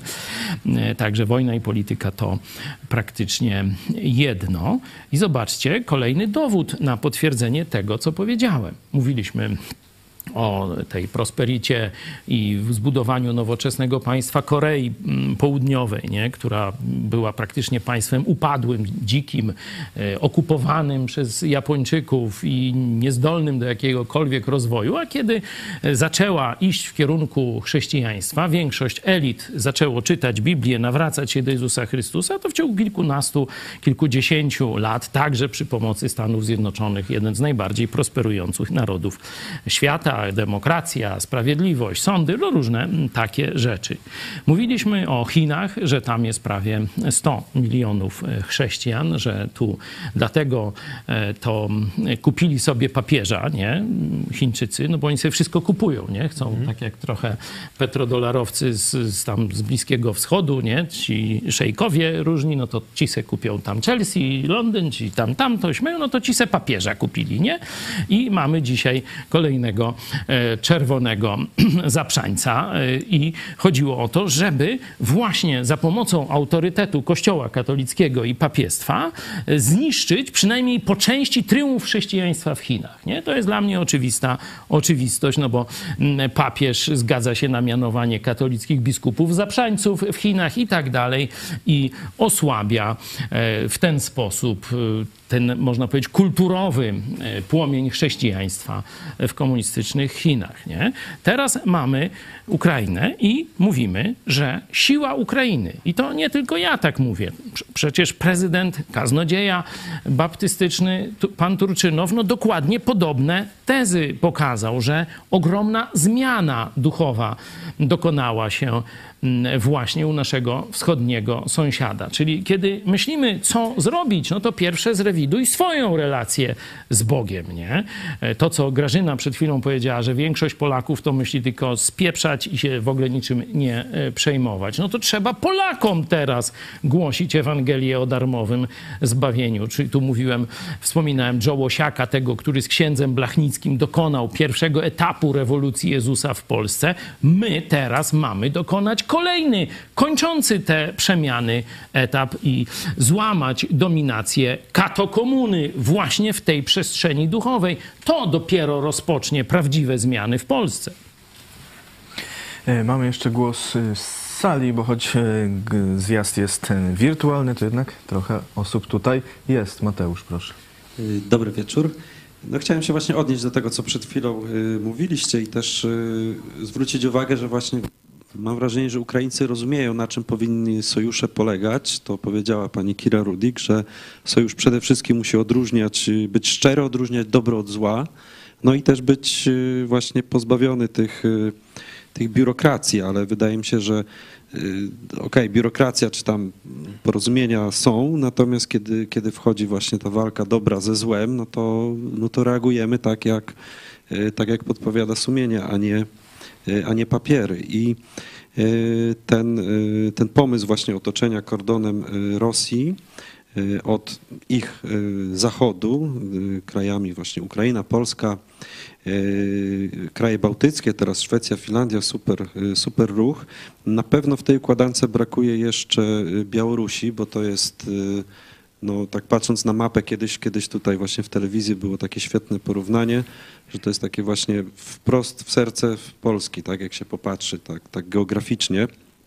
Więc na pewno od strony politycznej czy, czy, czy, czy właśnie duchowej no jest, jest potrzeba tutaj e, no przekonania czy, czy, czy Białorusi do tego, żeby przyłączyła się do Zachodu. Ale e, patrząc na przykład w Warszawie na demonstracje właśnie antyputinowskie, E, Tam jest bardzo dużo, można powiedzieć jedna trzecia to są Białorusini, którzy uczestniczą razem z, z Ukraińcami. To jest, to jest naprawdę widoczne z tymi ich właśnie e, biało, tym, tymi flagami właśnie też biało-czerwono białe i one i, i ci ludzie ramię w ramię z Ukraińcami stoją i, i chcą też obalenia Łukaszenki, także jest to e, no, jest, jest to obiecujące, tak, no i na koniec jeszcze zostaje ta kwestia Kaliningradu, co tutaj z tym, z tym zrobić. Tu na zjeździe rozmawialiśmy e, właśnie z, z, z Ukraińcami, to, to parę dni temu. E, No i tak, tak też właśnie ten temat Kaliningradu, oni mają swój e, taki, taki obszar Krym, który też nie do końca też historycznie może nie był, e, nie był ukraiński i no taki właśnie pomysł, że to, to mogłyby być strefy Krym tam, e, Kaliningrad tutaj, takie właśnie turystyczne, e, gospodarcze, może jakieś, jakieś właśnie biznesy i tak dalej, ale na pewno e, pozbawione wpływów, e, wpływów Rosji. Dziękuję. O Białorusi pisze też na czacie Sonata. Jest jeszcze jeden naród w Europie, który chce wolności. Białorusini walczą teraz w Ukrainie, szkolą w Polsce. Ich walka zaczęła się w 2020 roku po sfałszowaniu wyborów. Biorą przykład z Ukraińców. No, kiedy e, tę akcję udało nam się zrealizować uratowania dzieci z Mariupola, to też ochotnicy e, białoruscy od razu przyszli pomagać w opiece nad tymi dziećmi, także e, tu na Lubelszczyźnie, także to też potwierdzam to, co Mateusz mówisz z Warszawy. Tu ten ich Batiuszka, czy jak on się tam e, nazywa, nie, ten ojciec narodu, nie, no bo oni to tak zawsze Baćka. jak baćka, tak, że jak dzieci traktują ludzi, no i oni muszą mieć takiego właśnie ojca, takiego właśnie, który za mordę będzie trzymał ten interes. Mm, On zaczął jakoś dziwnie śpiewać ostatnio, nie? Do tej pory no to była taka marionetka, tak jak powiedzieliście, Putina, już godził się na wszystko, no sfałszował wybory i zaczął prześladować opozycję, czyli już jego droga na zachód zamknięta, no poszedł w objęcia e, niedźwiedzia, nie? I wydawało się, że nawet zaatakuje zbrojnie Ukrainę zdradziecko i bratobójczo, a tu tak nie za bardzo. Oczywiście zdaje się, że część tam oddziałów, ale nieoficjalnie walczy e, tych, tych jakichś zaprzańców mm, e, Łukaszenki, ale on zaczął tu i to przed paradą zwycięstwa. Zobaczcie, no tu oni będą tam mm, 9 maja, cały świat 8, oni 9 będą tam obchodzić swoje te e, zwycięstwa, dla nas e, bardzo tragiczne.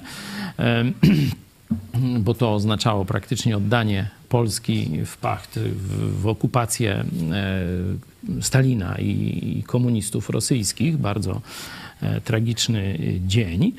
E, Polacy myśleli, że to będzie koniec wojny i wrócimy do dawnej Polski. No nie, nie. Dla nas to była dalsza krwawa mm, okupacja, szczególnie żołnierze wyklęci za to płacili najwyższą cenę. No i teraz y, na, z okazji tej parady tu miało być wielka feta, a tu zobaczcie, tak Łukaszenka mówi, że coś, coś, coś słabo idzie Putinowi. No, jakieś opóźnienia tam, że, przecież za to to on już na Syberię powinien jechać No. normalnie. Ja nie wiem, co coś, coś tam się dzieje. No. Rosjanie twierdzą, że operacja przebiega zgodnie z planem. Nie jestem na tyle zorientowany w tych zagadnieniach, żeby stwierdzić, czy rzeczywiście tak jest, czy może raczej tak, jak ja sądzę. Podkreślę jednak jeszcze raz osobiście uważam, że operacja się przedłuża, powiedział Łukaszenka. Dla mnie naturalną... I to amerykańskiej agencji Tak. Associated Press. Wysyła sygnał. Naturalną chyba konsekwencją y, zwycięstwa Ukrainy w tej wojnie powinno być to, że później odbijamy Białoruś. I przecież ci żołnierze, którzy białoruscy walczą po właściwej stronie w Ukrainie, a jest ich dużo, oni jasno mówią, zwyciężymy w tej wojnie, idziemy później odbić swój kraj, tak? W tym kraju przecież jest bardzo silne, y, bardzo silna, można powiedzieć, ruch oporu.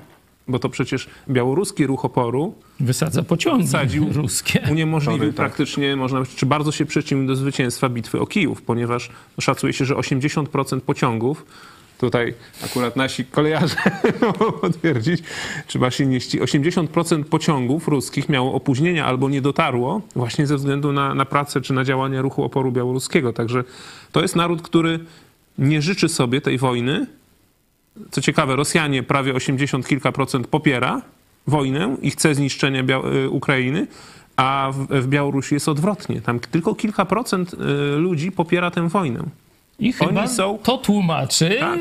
że Oni tak są uciemiężeni, oni są uciemiężeni. Zresztą ciekawa też informacja kilka dni temu została podana, bo oczywiście ukraiński wywiad zdobywa pewne, pewne dokumenty czy informacje, bo przecież Ukraińcy mają swoich agentów i w Rosji i w Białorusi, bądźmy tego, tego pewni. No przecież te pożary, pożary które tak nagle przypadkowo w ilości kilkudziesięciu, czy tam nawet prawie stu, tak w Rosji się tak, Tak.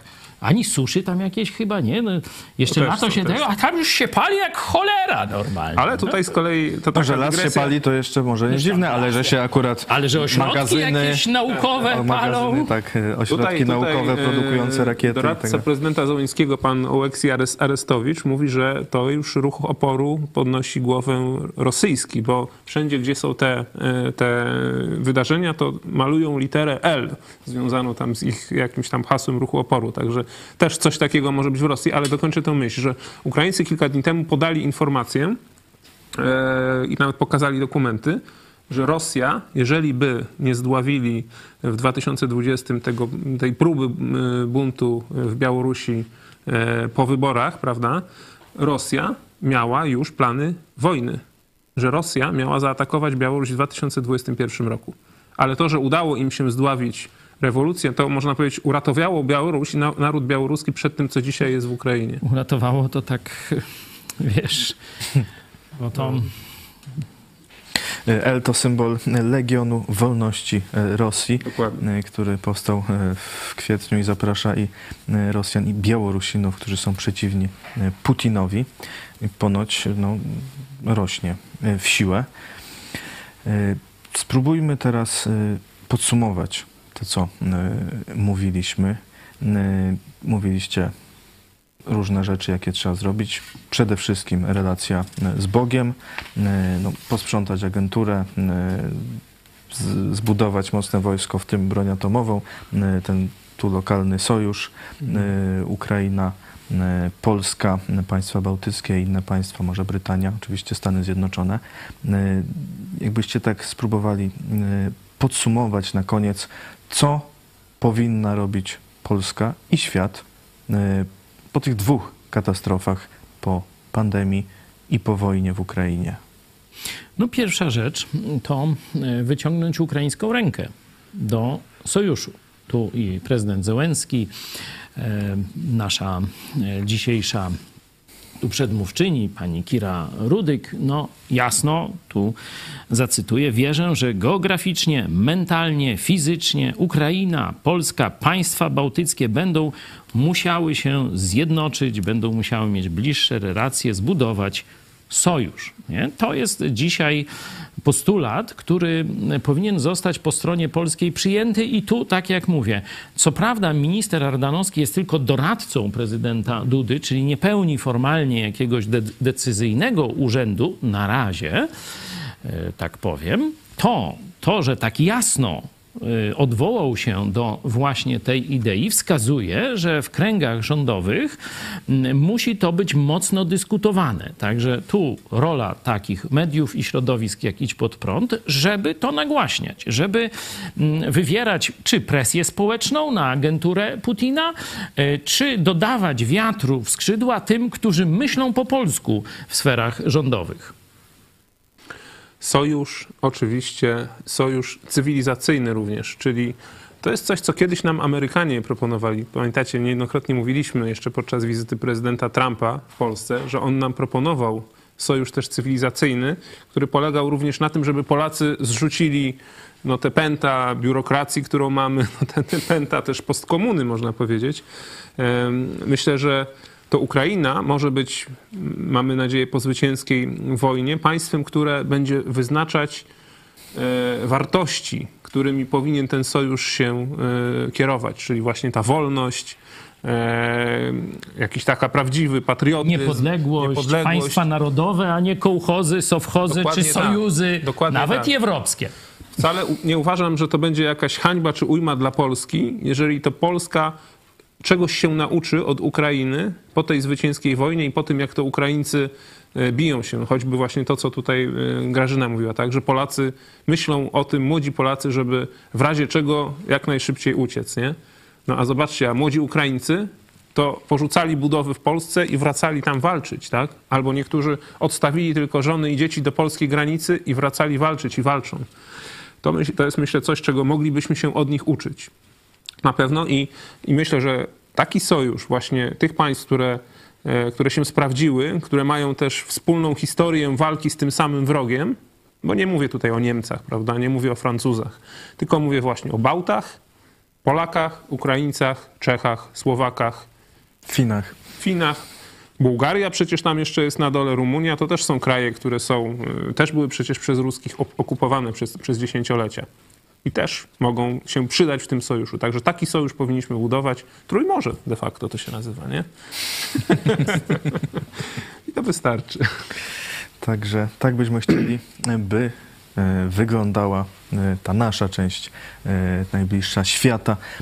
Po tych dwóch katastrofach, oby to się ziściło, no, Ukraińcy teraz walczą, aby było to możliwe.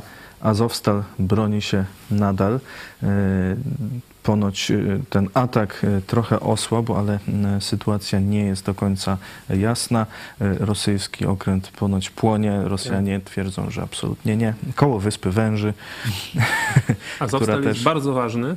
To jest naprawdę strategiczne miejsce, ponieważ Ruscy, jeśli nie zdobędą Azowstalu, to nie mają wolnej drogi z Rostowa na Krym, ponieważ autostrada, czy droga taka główna transportowa, która prowadzi właśnie z Rostowa nad Donem na Krym, praktycznie przechodzi w granicy Azowstalu. Tak się składa. I jeżeli Ukraińcy będą mieli możliwość ostrzeliwać tę drogę, no to Ruscy nie mogą tamtędy nic przewieźć bezpiecznie. Dlatego tak ważna jest, ważna jest ta bitwa. Zobaczymy, jak się ta sytuacja rozwinie. No, niesamowite jest to, że tam e, oni ciągle e, w takim otoczeniu e, się bronią. Jakiś tu miał być konwój ONZ i jeszcze tych pozostałych cywili ewakuować, ale no, Oczywiście wiadomo, jak to z Rosją, e, z, z, orkami e, nie jest to takie proste, e, ale cały czas, cały czas się bronią i mimo nawet zdrady, o której mówili tam pokazania, no dosłownie jak w termopilach tak. tajnego przejścia, przejścia tyły, tak. gdzieś, no udało się jakoś to odeprzeć nadal. Pisali to, że wpuściliśmy ich do tunelu.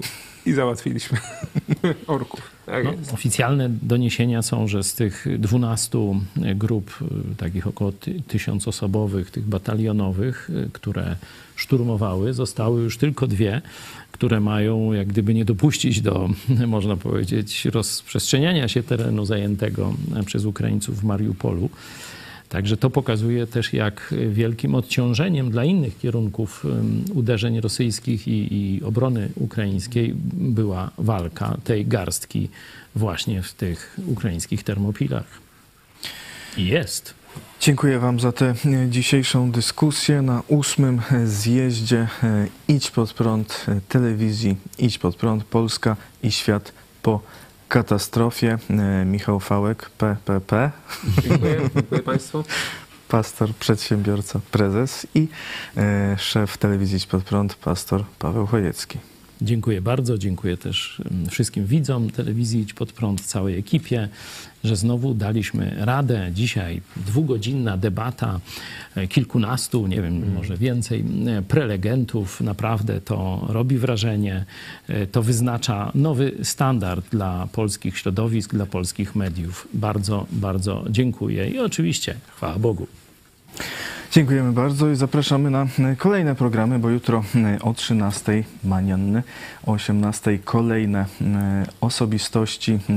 Znajdziecie to wszystko na YouTubie, na Facebooku, na 18 Satoru Nagao i Paweł Nowotny, czyli Japonia i Czechy e, opowiedzą, e, co oni e, sądzą o tej sytuacji obecnej.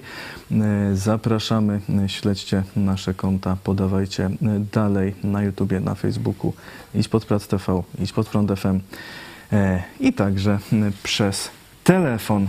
Jak wiecie, dziękuję bardzo i do zobaczenia.